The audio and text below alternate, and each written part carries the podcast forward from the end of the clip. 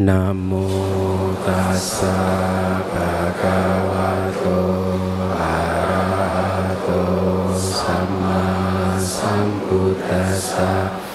Namo tassa bhagavato arahato sama sambuddhassa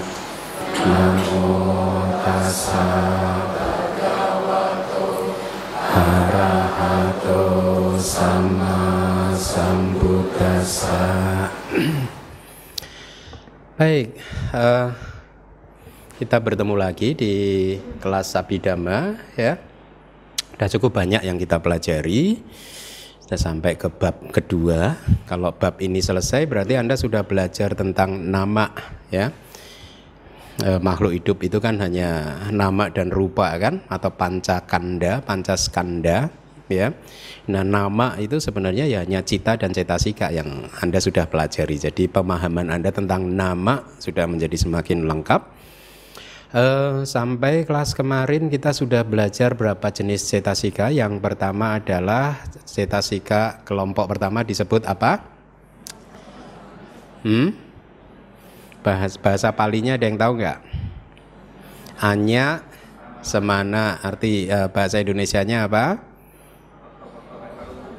Faktor mental umum. Artinya apa? Bisa muncul di kusala cita bisa muncul di akusala cita dan seterusnya. Ya umum gitu. Tetapi meskipun mereka umum masih dibagi lagi menjadi dua sub kelompok yang pertama adalah tujuh cetasika yang disebut sabak cita sadarana yaitu tujuh faktor mental yang uh, universal yaitu muncul bersama dengan semua cita ya cita apa pun muncul selalu ada tujuh ini. Jadi tujuh ini membentuk uh, energi mental sebagai pembentuk proses kognisi yang paling sederhana. Kemudian sub kelompok yang kedua adalah enam cetasika yang disebut sebagai pakin naka cetasika atau munculnya sesekali aja. Maksudnya sesekali itu uh, dia tidak muncul bersama dengan uh, semua cita, ya e, tapi dia bisa muncul dengan kusala cita, bisa juga muncul dengan akusala cita dan jenis cita yang lain ya. Jadi ada 13 jenis e, faktor mental yang umum. Kemudian kelompok yang kedua adalah apa yang disebut sebagai akusala cetasika seperti yang sudah saya sampaikan minggu lalu. Akusala cetasika ini muncul karena sesuai dengan namanya aku salah, tidak baik. Jadi dia kalaupun muncul harus muncul bersama aku salah cita saja. Tidak bisa muncul dengan wipaka cita, tidak bisa muncul dengan uh, kiria, tidak bisa muncul dengan mahakusala ya. Dia kalaupun muncul selalu muncul bersama dengan aku salah cita. Tapi walaupun demikian ada yang selalu muncul juga universal, ada juga yang munculnya di cita-cita tertentu saja ya. Empat kelompok yang pertama atau moha catuka ya.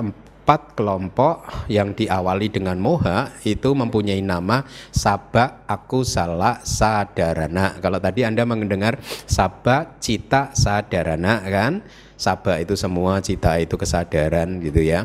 Jadi eh, apa muncul bersama dengan semua cita. Kali ini sabah aku salah sadarana muncul bersama dengan semua aku salah cita. Jadi kalau 12 aku salah cita itu cita yang mana pun muncul itu selalu ada yang empat ini.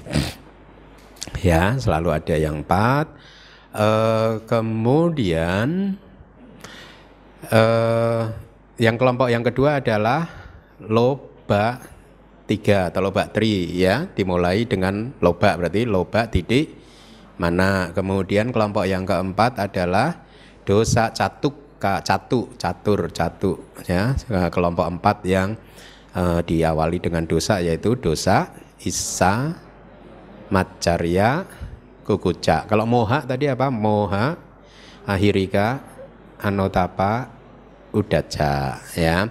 Kemudian tiga kelompok yang terakhir adalah tina, mida, wicikicca. Bagus. Berarti kita udah belajar berapa? 13 plus 14 ya, 27 ya. Nah, malam hari ini kita akan masuk ke jenis cetasika yang uh, berbeda yaitu so bana cetasika atau cetasika yang indah. Sesuai lagi dengan namanya, cetasika yang indah ini kalau dia muncul, dia akan selalu muncul dengan so bana cita atau kesadaran yang indah ya. Ada berapa jenis kesadaran yang indah? 59 atau 91 ya.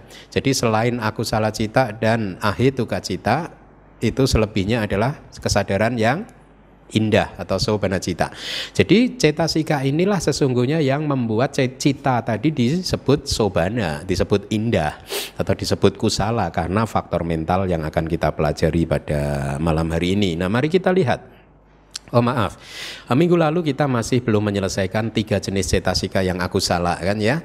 Kita akan lihat yang pertama nomor 12 berarti ya tina atau kemalasan. Uh, ini adalah kemalasan cita atau cita gelanya. Jadi lambannya cita. Nanti yang mida itu adalah kemalasan atau lambannya atau penyakit ya. Jadi cita gilanya itu penyakit untuk cita, nanti yang mida itu adalah penyakit untuk cetasika. Kemalasan karakteristiknya adalah ketiadaan usaha, anusaha lakana. Nggak ada usaha, artinya ya karena malas, kekurangan energi, ya.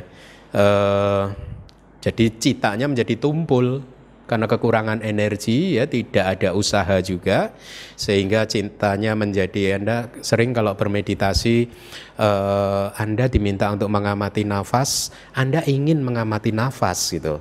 Tetapi citanya berat sekali, tidak bisa untuk mengamati nafas. Pernah kan mengalami seperti itu? Hal ini karena citanya kurang energi. Ya, ingin nafas masuk, nafas keluar diamati, tapi nggak bisa. Anda berjuang keras untuk bisa mengamati nafas masuk, nafas keluar. Batin Anda tidak lari ke sini, tidak lari ke sana, ingin mengamati nafas, tetapi berat sekali gitu. Ya, nah eh, ciri-ciri ini adalah ciri-ciri batin Anda kekurangan usaha, kekurangan energi, uh, tina, uh, mida sedang menguasai batin Anda ya. Uh, kemudian fungsinya adalah menghilangkan energi ya. Jadi batin menjadi sangat tumpul dan sangat lamban. Kadang dalam bermeditasi Anda melamun, ya Anda tahu Anda sedang melamun terjebak terperangkap dalam lamunan. Kemudian Anda ingin keluar dari lamunan tapi nggak bisa juga. Sering ya mengalami hal seperti itu. Inilah bagaimana tinak mida itu sedang mencengkeram batin Anda ya. Manifestasi atau perwujudannya adalah tenggelamnya dhamma yang muncul bersama. Artinya cita dan cetasika yang muncul bersamanya tenggelam bersama-sama. Ketiduran nanti efeknya. Merasa mengantuk yaitu cetasika yang ke-13 mida ya. Uh, jadi tenggelam seperti batin Anda seperti kayak ketarik gitu ketarik terasa sekali dan Anda ingin keluar dari tarikan itu tapi tidak bisa karena apa? Karena batin e, nama Anda sedang kekurangan tenaga, kekurangan energi ya. E, sebab terdekatnya adalah perhatian yang tidak bijaksana terhadap ketidakpuasan dan kemalasan. Jadi kalau rasa malas itu muncul karena adanya perhatian yang tidak bijaksana minggu lalu sudah saya tekankan berkali-kali apa itu yang disebut perhatian yang tidak bijaksana yaitu perhatian yang melihat sesuatu uh, dalam uh, konteks apa kebalikan dari anicca duga dan anatta yaitu kekekalan ada yang kekal kemudian memberikan kebahagiaan dan kemudian ada si aku ada identitas diri ini. Kemudian juga yang keempat adalah subak menganggap bahwa ada keindahan di dalam kehidupan ini ya. Nah, ini adalah contoh atau keadaan di mana batin sudah mulai tidak bijaksana, memperhatikan sesuatu secara tidak bijaksana karena sesungguhnya perhatian yang bijaksana adalah melihat segala sesuatu nama dan rupa sebagai anicca, duka, anatta dan asubha. Bagus. Nah, kali ini yang di yang tidak bijaksana yang dilihat adalah ketidakpuasan gitu ya e, karena senantiasa e, e, batin yang tidak puas Ciri dari batin yang tidak puas itu apa? Dia selalu lari ke sini, lari ke sana, tidak pernah mau berhenti di satu objek. Paham? Ya, misalkan di depannya ada nafas, diminta untuk mengamati nafas masuk, nafas keluar, dia tidak puas dengan nafas, akhirnya batin lari keluar dari nafas. Ya. Kemudian nanti menginginkan keluar dari nafas misalkan memikirkan objek A gitu. Sebentar saja dia memikirkan dia lari lagi lompat lagi ke objek B. Kenapa? Karena dia tidak puas dengan objek A juga. Paham? Sebentar saja memikirkan objek B, dia lompat lagi memikirkan objek C. Kenapa? Karena dia tidak puas dengan objek B. Jadi batin selalu lari ke sana, lari ke sini, lari ke sana, lari ke sini sehingga energinya habis. Ya uh, tenaganya habis. Nah, karena inilah maka akhirnya batin menjadi kekurangan energi dan akhirnya timbul rasa malas. Malas di sini itu tidak hanya sebatas Anda ingin membersihkan rumah atau kamar Anda tapi Anda malas untuk mengerjakannya. Tidak di dalam meditasi itu terasa sekali. Anda ingin mengamati nafas tapi berat sekali, nggak bisa gitu. Dan atau Anda ingin keluar dari lamunan Anda tapi nggak bisa kayak nggak berdaya untuk keluar gitu. Karena benar-benar batinnya sedang tumpul sedang lemah sedang kekurangan energi ya. Nah itu adalah sebab terdekat juga perhatian yang tidak bijaksana terhadap kemalasan itu sendiri. Dia terlalu menikmati kemalasan tenggelam di dalam kemalasan tidak menyadari bahwa kemalasan ini juga adalah fenomena yang muncul dan kemudian harus lenyap tetapi walaupun kemalasan lenyap, dia freeze, dia pause, dia hentikan, ditangkap, diolah di dalam hati, kemudian apa? dinikmati lagi di dalam hati. Ya. Berkhayal karena pengaruh dari delusi, moha, jadi batinnya berkhayal. Kemudian yang nomor berikutnya adalah mida atau kantuk tadi sudah saya katakan ini adalah kayak gelenya atau penyakit untuk cetasika ya e, tina dan mida itu sesungguhnya selalu muncul bersama-sama tidak bisa muncul satu persatu dia selalu muncul berdua dan secara kolektif keduanya tina dan mida disebut sebagai salah satu dari panca ni warana atau lima rintangan batin. Nah, lima rintangan batin ini e, bisa diatasi dengan faktor jana yang apa? Hmm? Apa yang bisa mengatasi tina dan mida? Nah, Anda Anda Anda tinggal pakai logika saja. Tadi kan batin yang malas dan mengantuk ini kan kekurangan energi. Berarti untuk mengatasinya harus menggunakan cetasika yang bisa membangkitkan energi. Yaitu apa? Witaka, witaka, bukan wirianya, witaka. Karena witaka adalah ingat karakteristiknya pergerakan batin ke objek. Dia sifatnya bergerak terus menuju ke objek ya. Jadi ada pembangkitan energi di sana, bukan wirianya tapi witaka. Faktor jana yang disebut witaka kan? Betul ya? Tina mida. Tina mida. Betul kan? Ya. Oke. Okay. Uh, eh, jadi bisa diatasi dengan witaka, cetasika yang disebut witaka, salah satu dari faktor jana ya. Uh, kemudian kantuk ya. Saya terjemahkan sebagai kantuk. Ini sepertinya yang paling tepat bukan kelambanannya. Kantuk. Mengantuk nanti anda jatuhnya mengantuk. Gun besok halus habis baca habis pindah patagun. Karakteristik tidak bugar ya. Ketidakbugaran dari mental. Kemudian uh, fungsinya adalah uh, menutupi jadi uh, ona hana rasa itu jadi apa? Menutupi itu maksudnya jadi membuat pengamatan kita untuk mengamati karakteristik asli dari fenomena jadi seperti seolah-olah buram gitu. Makanya di dalam suta sering sering sering diberi contoh seperti melihat bayangan wajah kita sendiri di dalam air yang air tersebut dipenuhi lumut kotoran ya sampah-sampah sehingga kita nggak bisa melihat bayangan wajah kita gitu. Ya itu uh, fungsi dari mida ya. Kemudian sehingga tiga karakteristik uh, universal yaitu anicca dukkha dan anatta pun juga tidak terlihat. Ya itu fungsi menutupinya. Perwujudannya manifestasinya adalah tenggelam atau mengantuk akhirnya tertidur ya Jadi kalau tinak midak sedang menguasai batin Anda saat ini maka Anda juga tidak akan bisa menikmati kelas abidama ini ya. Ingin mendengar tapi kok nggak bisa, semakin diperhatikan, ingin difokuskan lagi kok tetap saja nggak bisa. Nah, itu ciri-cirinya seperti itu. Batin kekurangan energi, kekurangan usaha ya. Uh, jadi seperti apa? Contoh yang mungkin lebih tepat batin anda seperti terpenjara kan di penjara ingin keluar nggak bisa gitu. Kira-kira seperti itu ya. Uh,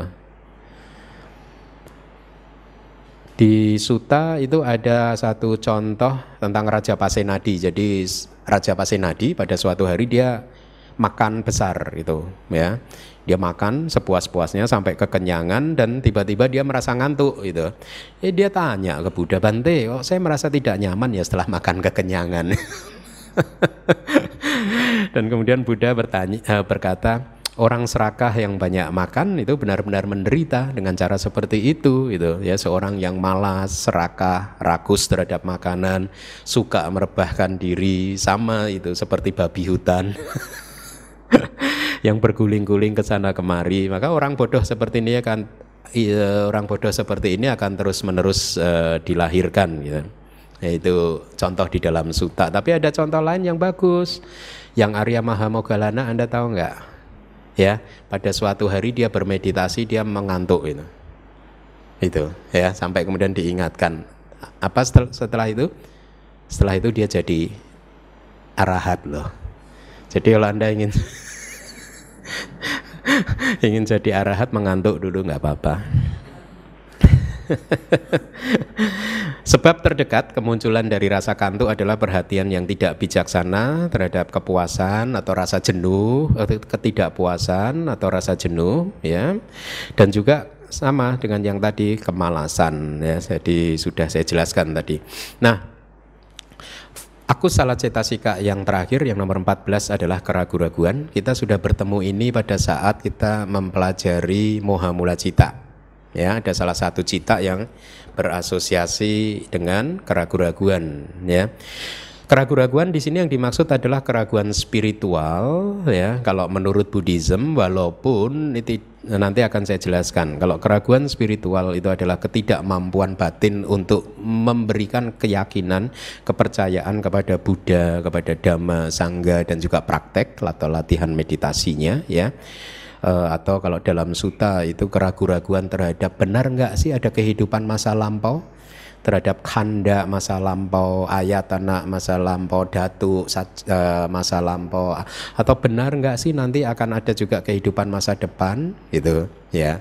Jadi itu keraguan yang saya rasa sudah kita pelajari pada saat kita membahas tentang uh, cita ya.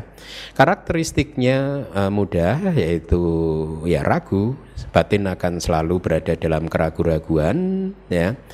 Uh, fungsi. Fungsinya adalah ya batinnya bergerak ragu-ragu ya.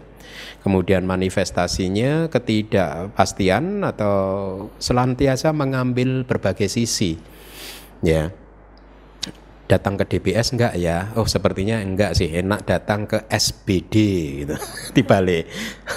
nanti batin kayak akhirnya mm, menoleh lagi ke DBS, nanti menoleh SBD lagi.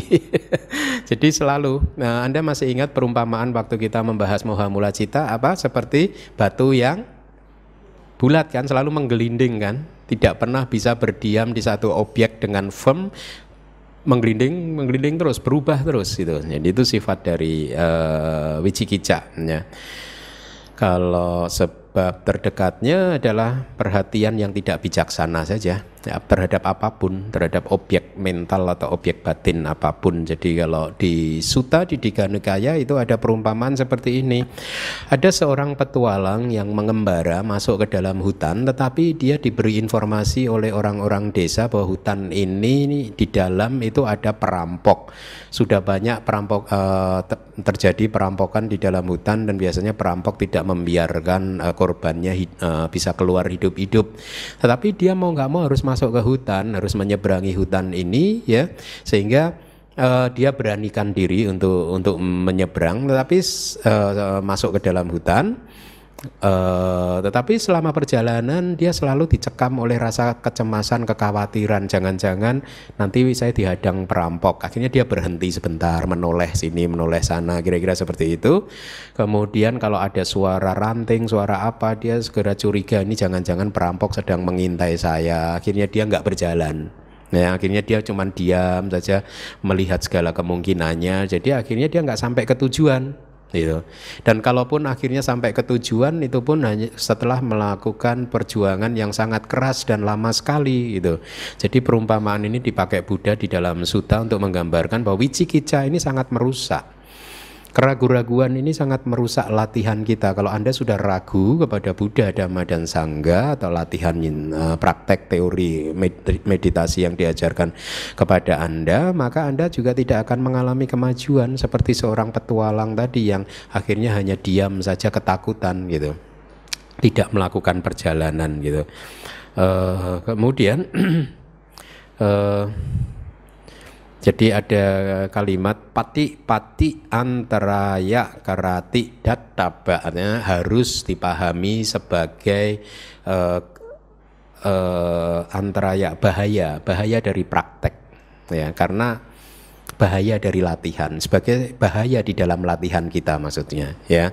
Kalau anda batin dikuasai oleh wicikija maka latihan anda akan berada dalam uh, status bahaya. Kenapa? Karena Wicikica ini adalah salah satu dari panca ni.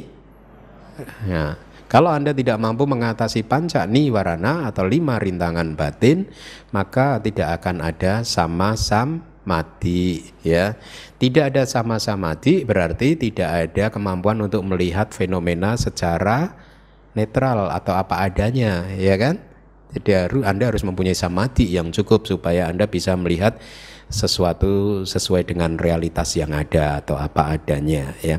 Nah, wicikica sebagai pancaniwarana ditekan oleh faktor jana yang apa? Yang mana? Hmm? Bagus, ya ditekan oleh wicara. Oke, bagus. Mari kita lanjutkan. Uh, dari Abhidhamma Sanggaha syairnya akan uh, Anda baca dulu. Yang pertama, keyakinan rasa malu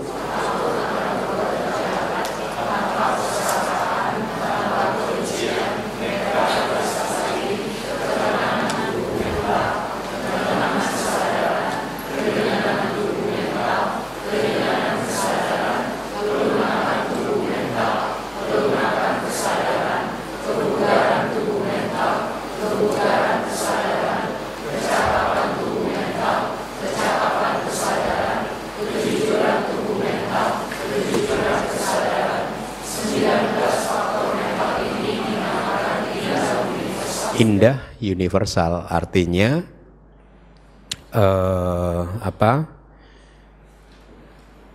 Dia muncul bersama dengan kesadaran yang indah ya. Uh, dan karena dia universal berarti dia selalu muncul. Kalau muncul dia uh, bersama dengan kesadaran yang indah. Tidak dengan kesadaran yang lain. Bahasa palinya mari kita baca satu-satu. Sadha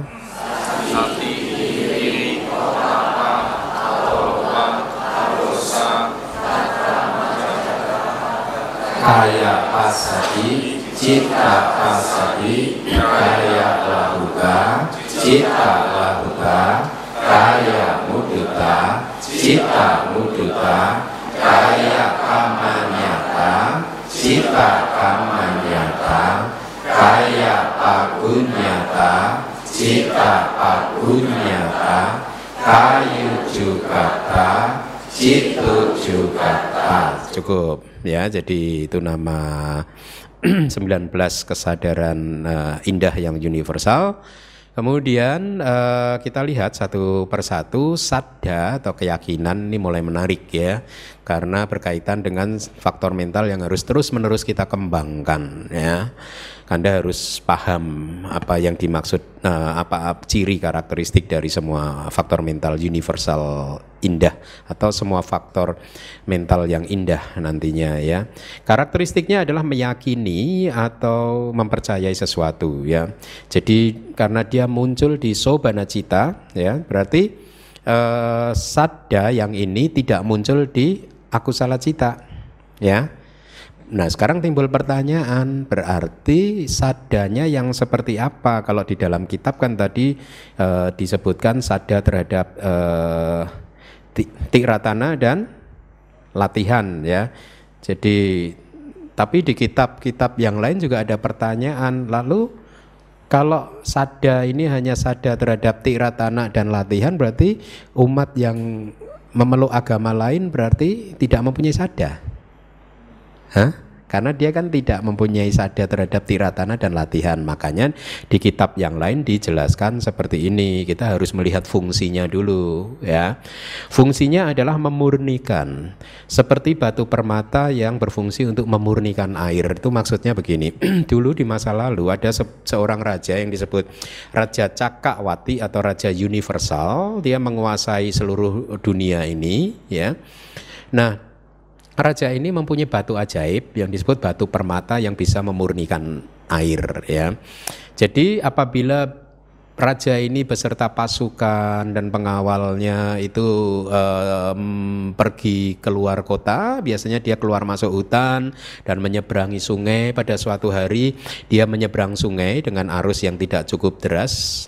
Dia tentara semua bala tentara dia pembantu-pembantu dia kuda keretanya semua menyeberang sungai. Sehingga akhirnya uh, setelah melewati sungai tersebut kan airnya menjadi keruh kan? Nah begitu sampai di seberang yang sana rombongan berhenti dan kemudian raja memerintahkan pengawal pribadinya untuk ambilkan air saya ingin minum gitu. Ya. Nah karena air sedang keruh akhirnya pengawal pribadinya membawa batu ajaib tadi ya. E, dan dikatakan bahwa kalau batu ajaib ini dimasukkan ke dalam air maka semua kotoran lumpur semua langsung mengendap.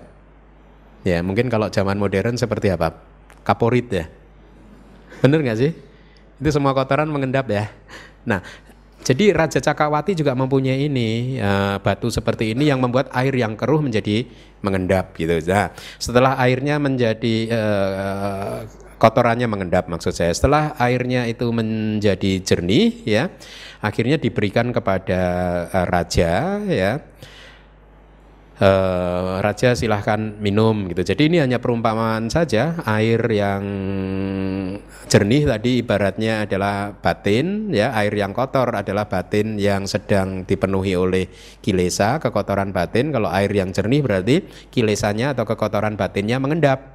Ya, jadi perumpamaan ini bermakna sada seperti batu permata yang mengendapkan kotoran tadi. Pada saat Anda mempunyai sada, maka batin Anda murni.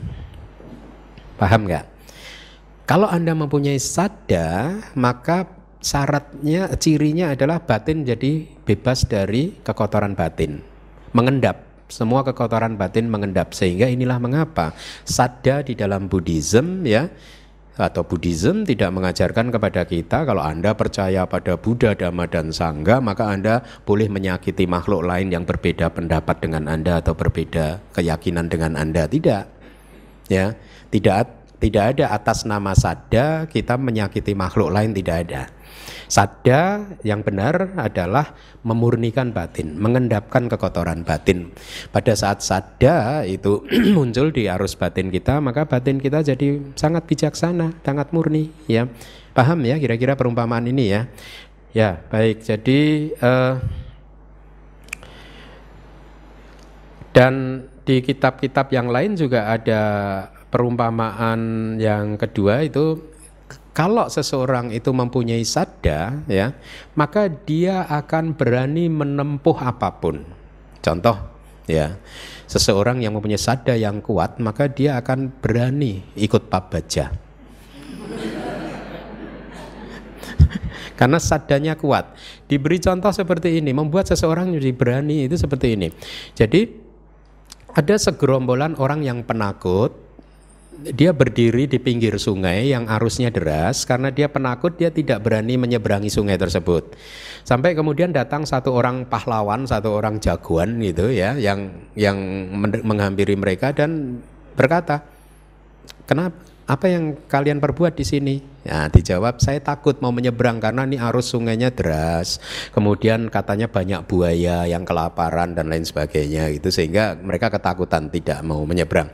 Kemudian si jagoan ini berkata, "Sudah, ikut saya. Saya akan bantu kamu menyeberangkan uh, kalian dari sisi ini ke sisi sana gitu. Dan akhirnya semua orang ini dengan mempercayai, mempunyai kepercayaan terhadap si jagoan tadi, akhirnya dia menyeberang dan akhirnya sampai ke tujuan. Jadi ini satu perumpamaan saja kalau Anda punya sada, Anda bisa mencapai tujuan Anda. Ya. Anda mempunyai sada, Anda bisa melakukan segala hal yang sulit untuk dilakukan. Misalkan dikatakan di dalam kitab tafsir karena sada maka seseorang berdana. Ya. Anda berdana berderma dana apa pun yang Anda berikan yang Anda persembahkan tidak akan bisa lepas dari genggaman Anda kalau Anda nggak punya sada juga kan itu itu itu yang dimaksud dalam artian dengan mempunyai sada seseorang bisa melakukan pekerjaan yang sesulit apa pun. Ya e, berdana, menjaga sila, bermeditasi atau bahkan menjadi biku atau menjadi seorang e, samaneri ya, sayale dan lain sebagainya. E, di kitab subtafsir juga ada contoh yang ketiga, sadda itu ibaratnya tangan. Ya, kalau seseorang mempunyai tangan maka dia bisa melakukan pekerjaan apa pun. Ya, pekerjaan yang berat pun dia bisa lakukan kalau dia mempunyai tangan jadi kalau Anda mempunyai sada, Anda bisa melakukan apa pun yang berat gitu ya. Termasuk mungkin berdana tadi dan seterusnya ya. Jadi itu yang dimaksud dengan uh, sada manifestasinya bebas dari kekotoran batin atau adanya kesungguhan ya. Kalau Anda mempunyai sada Anda akan sungguh-sungguh. Kalau Anda yang mempunyai sada terhadap abidama maka Anda akan datang terus. Nah, tidak malas-malasan.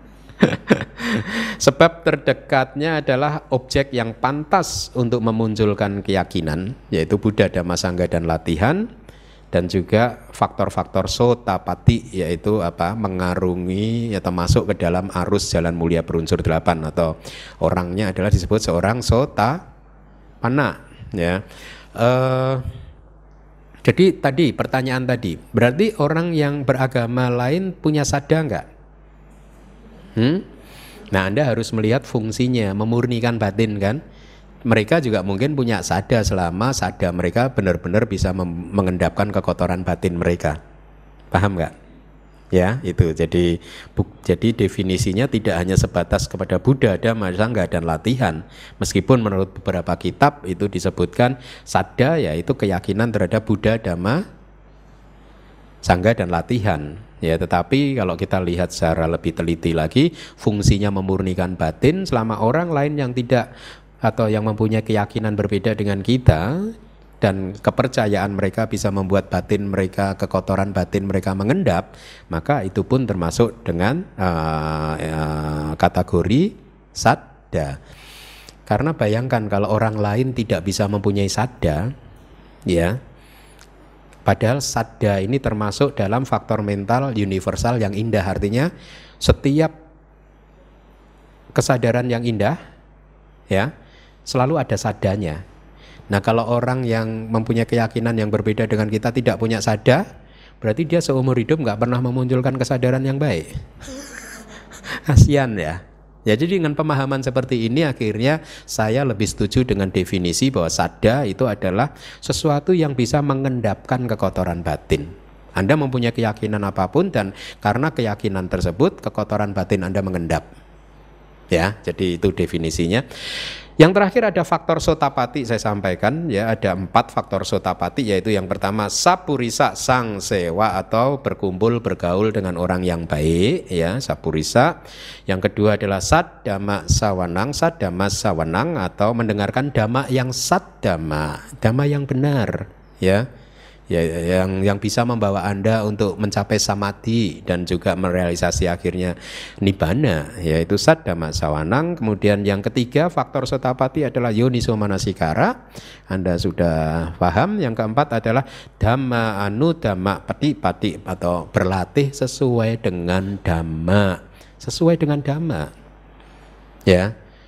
Sesuai dengan Tripitaka dan kitab komentarnya. Mari kita lanjutkan. Yang kedua adalah perhatian penuh. Nah ini menarik ya. E, sati ya. Pada saat Anda bermeditasi anapanasati sesungguhnya Anda sedang berusaha untuk mengembangkan cetasika yang ini ya salah satunya yang paling penting adalah sati cetasika ya perhatian penuh atau bahasa Inggrisnya mindfulness.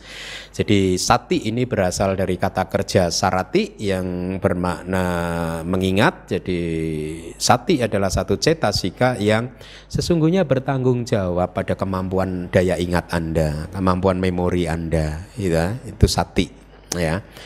Uh, apa meskipun dalam konteks meditasi sati perhatian penuh lebih dimaknai sebagai satu perhatian kepada sesuatu yang saat ini sedang muncul, detik ini sedang muncul. Tetapi sati dalam arti yang lebih luas itu adalah satu faktor mental yang eh, bertanggung jawab terhadap memori, daya ingat Anda. Jadi dengan demikian seseorang yang meditasinya bagus pasti memorinya bagus. Saya ber, di, bertemu dengan beberapa guru yang umurnya sudah cukup tua karena meditasinya bagus, memori dia bagus. Tetapi tidak bisa dibalik ya. Kalau orang memorinya bagus, berarti meditasinya bagus, nggak bisa. Ya, orang yang suka marah-marah nggak bisa nggak bisa melupakan dendam selama 20 tahun, itu memorinya bagus dia. Benci sama orang 20 tahun yang lalu sampai hari ini diinget terus loh, bagus kan memori dia kan? Ya. ya. Tidak boleh di, di, di, di, dibalik ya. Uh, sati juga mengatasi lupa ya atau kebingungan. Mutasacasa abi bawanato. Jadi lihat kalau anda mengembangkan sati maka sifat pelupa pun juga akan menjadi teratasi itu dan juga tidak mudah bingung. Eh tadi saya mau ngapain ya? Nah, kan sering kan orang begitu kan? Kayak kehilangan short term memorinya kan?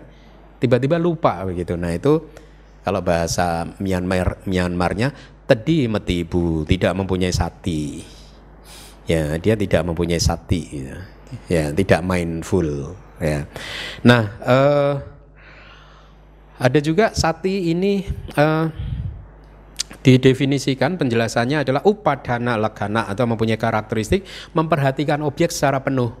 Jadi present moment tadi, objek yang saat ini sedang muncul, objek tersebut nama dan rupa. Dia memperhatikan secara penuh sehingga dia bisa melihat bahwa segala sesuatu adalah anicca, duka, dan anatta karena semuanya kelihatan. Gitu. Jadi proses pengamatan anicca, duka, dan anatta menjadi sangat uh, matang, sangat jelas. Nah, mari kita lihat karakteristiknya tidak mengambang apabila panalakana diberi contoh seperti buah tertentu yang selalu mengambang di sungai begitu. Uh, itu kalau tidak punya sati, tapi kalau Anda punya sati, Anda tidak mengambang seperti itu, tenggelam. Artinya apa? Tenggelam ke objek, masuk ke dalam objek sehingga mampu mengamati sifat asli dari objek ya semuanya terlihat jelas seperti seolah-olah anda itu berdiri di tengah-tengah kanan kiri atas bawah semuanya kelihatan. Itu pada saat sati anda itu e, berkembang. Anda akan melihat hubungan sebab dan akibat itu dengan sangat jelas sekali ya. Karena pengamatan Anda tidak hanya dangkal di permukaan saja, tapi mampu menembus sampai ke dasar dari objek tersebut, sampai ke pusat dari objek tersebut. Itu sifat dari sati dan inilah mengapa di dalam meditasi sati harus dikembangkan. Karena sati yang akan membawa pengamatan kita benar-benar tenggelam masuk ke dalam objek. Sehingga pengamatan kita adalah pengamatan yang tidak superficial, tidak dangkal, pengamatan yang sangat dalam sekali, ya. Uh, kemudian fungsinya adalah tadi sudah uh, saya singgung ketiadaan dari sifat uh, pelupa ya. Jadi karena tidak pelupa maka sati ini tidak mengizinkan objek untuk lenyap tanpa teramati. Ya. Jadi kalau Anda diminta untuk mengamati nafas kok masih suka lari ke sana, lari ke sini berarti apa? Lupa. Kalau sesungguhnya diminta mengamati nafas tapi malah mengingat-ingat di rumah ngapain ini ya dan lain sebagainya. Anda lupa terhadap nafas ya. Uh, Dengan sati maka pengamatan terhadap objek meditasi akan jadi sangat kokoh dan juga uh, stabil. Gitu. Kemudian saya akan sampaikan dulu manifestasi dari sati adalah menjaga ya menjaga supaya pengamatan itu bisa berlangsung dengan baik atau satu keadaan batin yang face to face, berhadapan-hadapan dengan objek. Jadi Anda benar-benar mengamati objek dengan baik, tidak lepas, tidak lupa, ya tidak lari keluar dari objek itu. Nah, diberi contoh itu eh, karakteristik yang tidak mengambang tadi itu seperti jadi kalau zaman dulu itu ada seorang raja, kemudian dia mempunyai pembantu khusus yang disebut Banda Garika, seorang bendaharawan raja gitu ya. Nah bendaharawan raja ini dia akan uh, terus menerus mengingatkan Raja Cakawati, Raja Universal gitu. Eh raja, kekayaan raja itu ada sedemikian banyaknya. Lo emasnya ada sekian peti peraknya sekian peti ya gajah-gajahnya sekian banyak kuda-kudanya sekian banyak gitu. Jadi bendaharawan ini mengingatkan terus raja uh, terhadap apa properti atau kekayaan yang menjadi miliknya. Jadi demikianlah fungsi dari sati ya.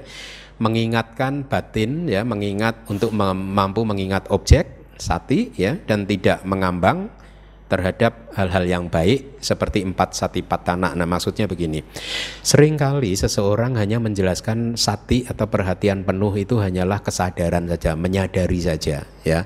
Jadi apa pun yang datang disadari, apa pun yang datang disadari gitu sampai tidak sadar bahwa yang datang itu adalah aku salah dhamma atau dhamma yang tidak baik pun juga disadari saja gitu ya.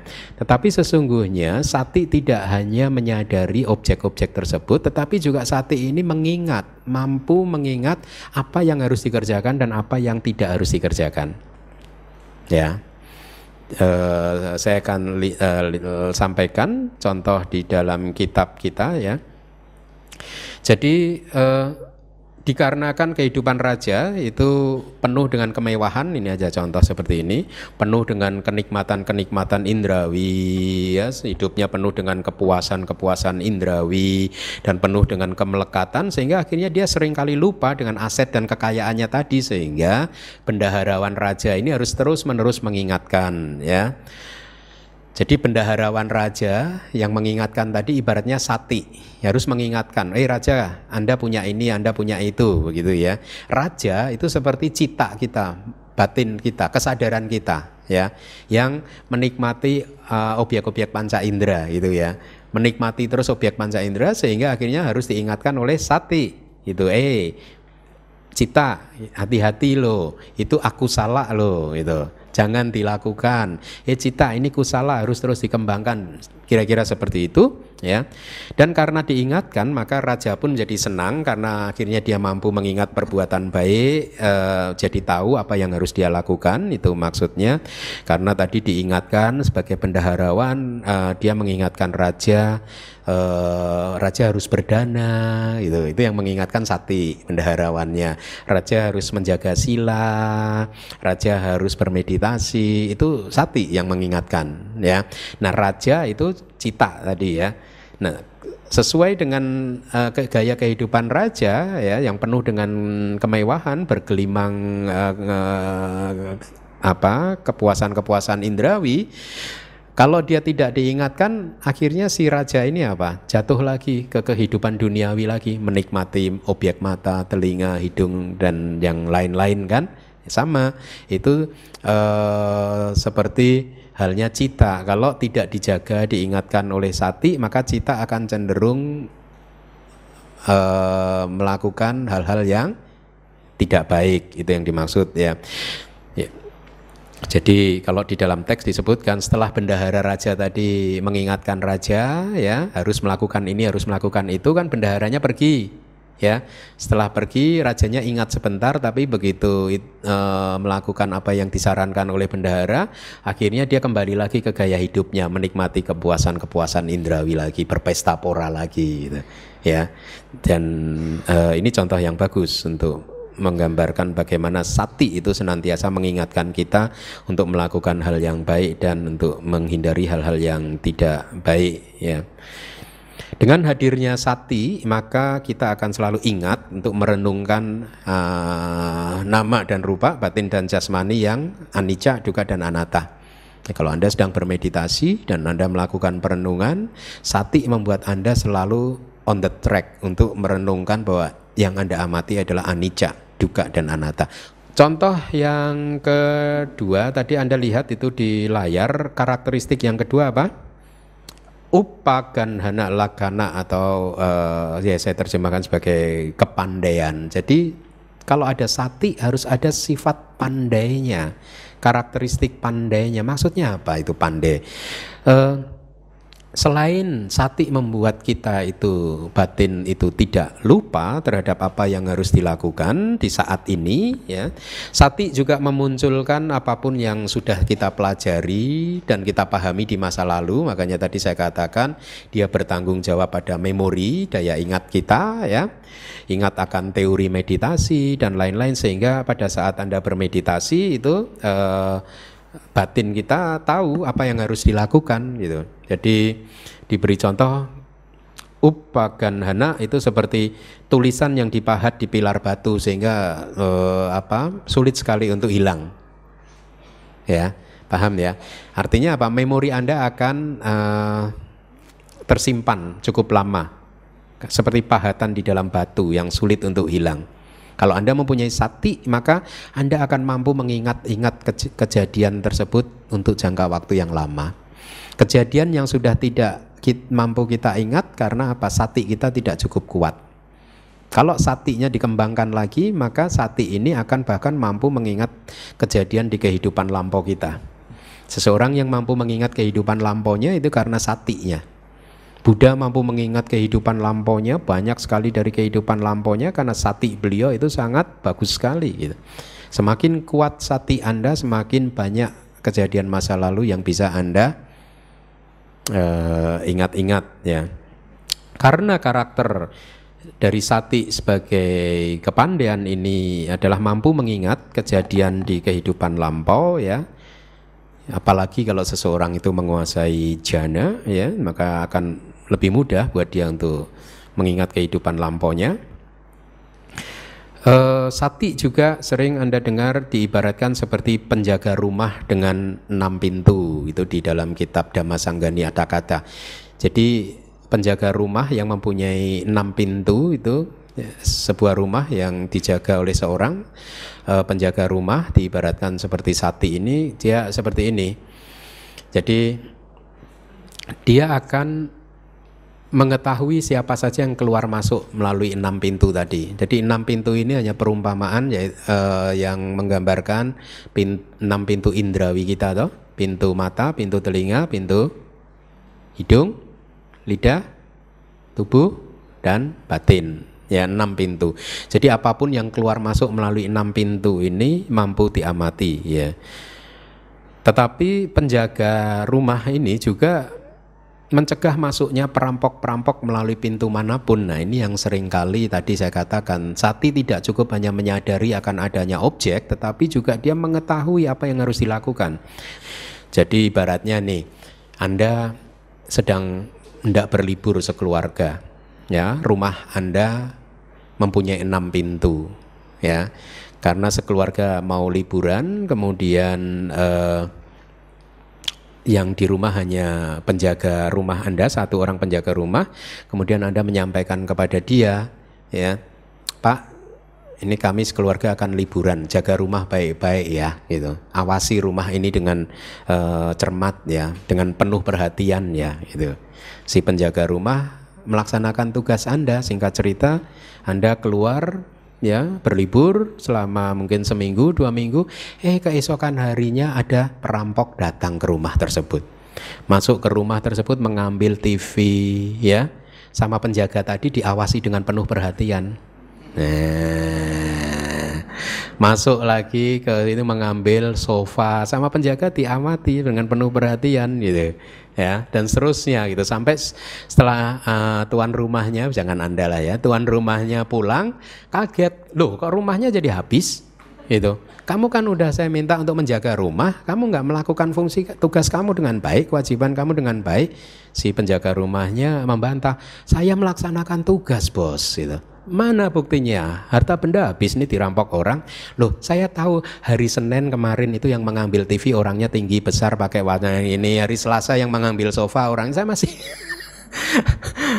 Apakah sati itu seperti itu? Hmm? Di dalam kitab disebutkan tidak, karena sati juga harus mempunyai kemampuan untuk mengerti apa yang harus dilakukan. Ya, di dalam meditasi juga kalau Anda sedang uh, batin Anda dikuasai oleh pancaniwarana, ya, sati Anda akan membantu untuk mengingat-ingat apa yang harus saya lakukan terhadap pancaniwarana ini, lima rintangan batin tertentu ini. Itu fungsi sati dan inilah mengapa kita harus belajar supaya kita mempunyai ilmu yang cukup untuk mengatasi kesulitan hambatan yang datang di dalam latihan-latihan uh, kita ya. Jadi selain mengingat objek Sati juga mencari dengan sungguh-sungguh jalan yang baik, menguntungkan ya. E, sati hita ahita nang dhamma nang saman wesitwa ya.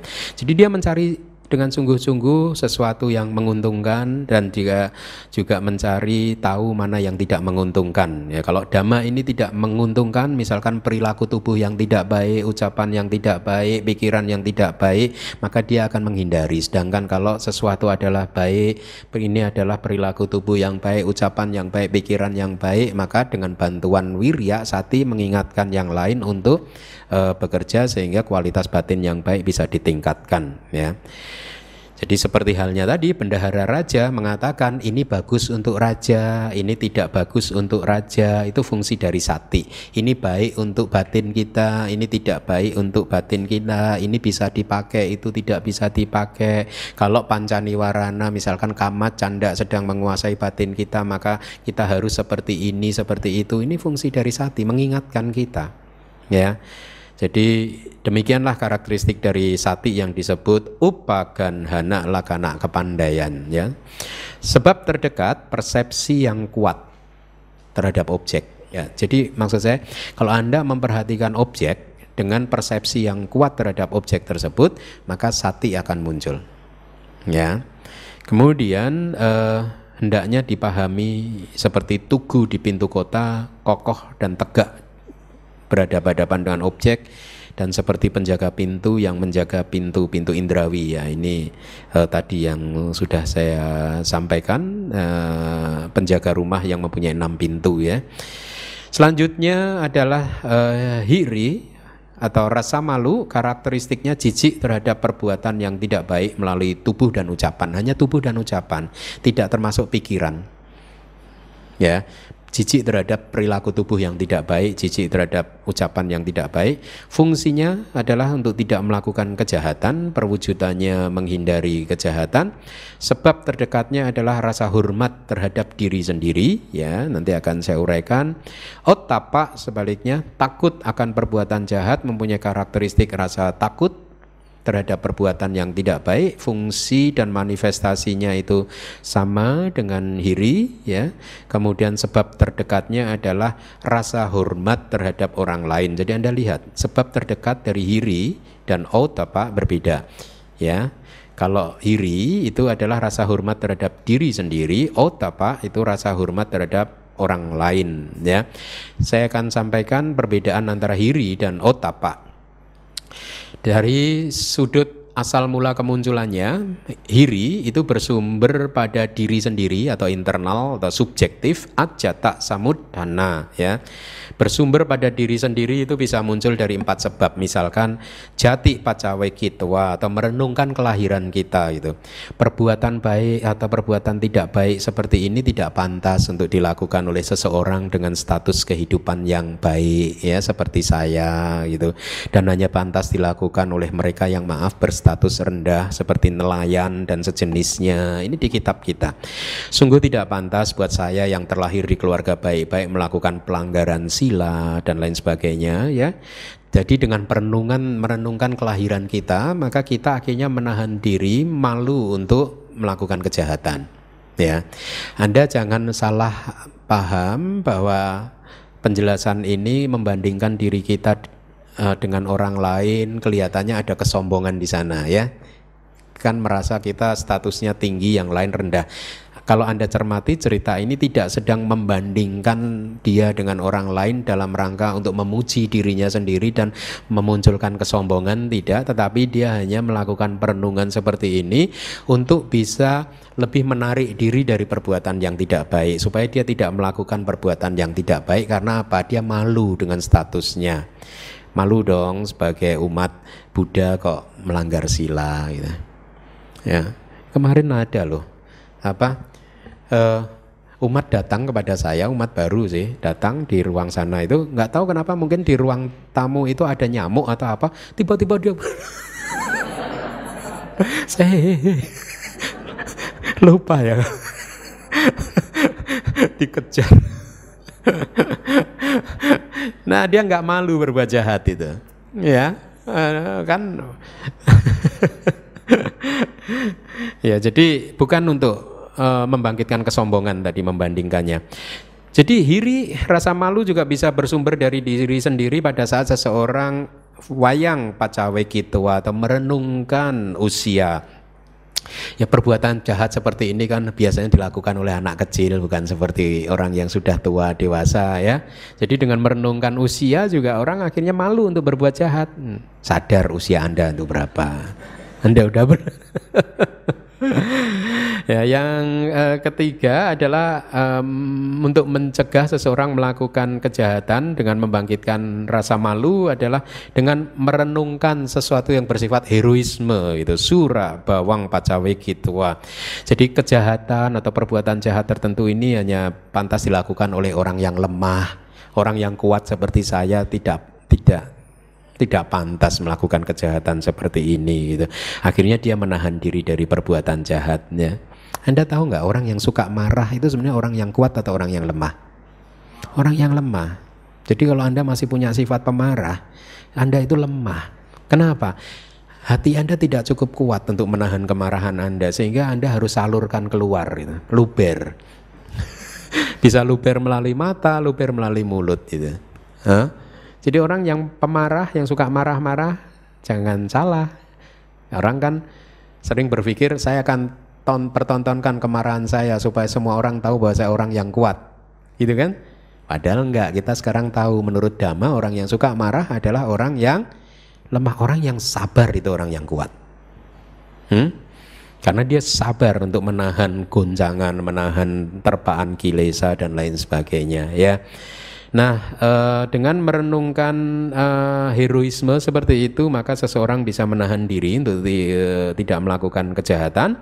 Yang keempat adalah merenungkan pengetahuannya yang luas bahu sacang pacawe kitua jadi kejahatan-kejahatan seperti ini ya biasanya dilakukan oleh orang yang bodoh, tidak berpendidikan dan seterusnya.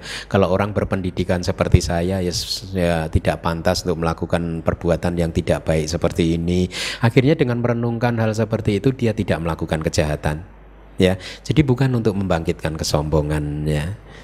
Jadi dengan uh, mengembangkan rasa malu yang bersumber pada diri sendiri empat hal tadi maka seseorang akhirnya malu untuk berbuat uh, jahat. Dengan demikian hiri itu bersumber pada diri sendiri. Karena nanti berbeda dengan otapa bersumber dari eksternal. Artinya apa?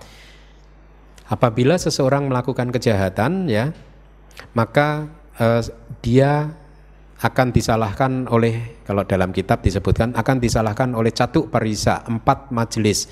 Empat majelis itu majelis biku bikuni upasaka upasika. Kalau kamu melanggar sila kamu nanti kalau kamu begini begini tadi ya nanti jadi pembicaraan loh oleh para biku ya bikuni upasaka upasika loh gitu ya Uh, jadi itu bersumber dari eksternal. Dengan merenungkan hal seperti ini, maka seseorang tidak melakukan kejahatan karena takut mendapat celaan dari eksternal. Paham ya bedanya ya?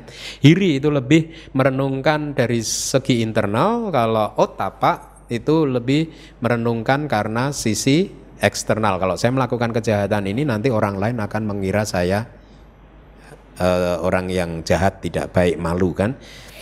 Uh, kemudian yang kedua perbedaan hiri dan otapa adalah adipati ya pengendali. Hiri dikendalikan oleh diri sendiri lagi atta adipati ya. Seseorang yang berasal dari keluarga baik-baik, dia merenungkan tidak bagus ya buat seorang seperti saya yang meninggalkan keduniawian, menjadi biku karena sadda dan juga berpengetahuan luas ya, mempercayai praktek pertapaan yang keras atau dutangga. Orang seperti ini kok melakukan kejahatan gitu ya. Demikianlah jadi hiri dipengaruhi oleh diri sendiri gitu. Uh, karena status yang seperti itu tadi sudah sepantasnya saya meninggalkan kejahatan, ya mengembangkan moralitas, meninggalkan kesalahan dan mengembangkan hidup tanpa kesalahan serta memurnikan kehidupan uh, saya gitu. Jadi perenungan itu muncul dari diri sendiri bersumber dari diri sendiri. Yang mengendalikan adalah diri sendiri. Otak dikendalikan oleh dunia ya dipengaruhi oleh dunia Dunia ini sangat lebar ya, tidak selebar daun kelor dan di dunia ini ada banyak biku dan pertapa yang mempunyai kesaktian yang bisa membaca pikiran Anda gitu ya. Jadi mempunyai mata dewa, mampu membaca uh, ya pikiran, mereka bisa melihat dari kejauhan ya. Uh, kemudian walaupun mereka ada di dekat kita, mereka juga bisa tidak kelihatan Kira-kira seperti itu di kitab tafsir. Uh, secara mental mereka tahu apa yang kita pikirkan. Ya. Jadi uh, dia akan orang sakti ini akan mengatakan, oh lihatlah orang tersebut anak dari keluarga baik-baik tetapi melakukan kejahatan.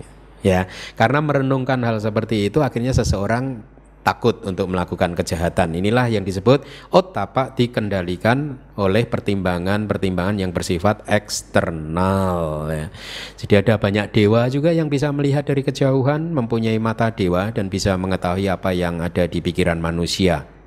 Demikianlah dengan dipengaruhi oleh dunia seseorang meninggalkan kejahatan dan mengembangkan moralitas, meninggalkan hidup penuh yang penuh kesalahan, menghindari kesalahan dan mengembangkan hidup tanpa kesalahan dan menjaga kehidupannya semurni mungkin. Perbedaan antara hiri dan otapa yang ketiga adalah tempat berpijaknya. Hiri itu berpijak pada sifat hakiki dari rasa malu, sementara otapa berpijak pada sifat hakiki dari rasa takut. Yang dimaksud di sini adalah karena hiri berpijak pada sifat hakiki rasa malu, akhirnya seseorang akan menjaga kesantunannya, ya, e, menjaga perbuatannya dengan sangat baik sekali, ya. E, sementara di sisi lain otapa karena berpijak pada sifat hakiki dari rasa takut, seseorang tidak melakukan kejahatan karena berpikir kalau saya melakukan kejahatan nanti saya akan terlahir di neraka, gitu, ya. Kalau hiri kan tadi enggak, dia ya dia menjaga kesantunannya gitu diri sendiri ya.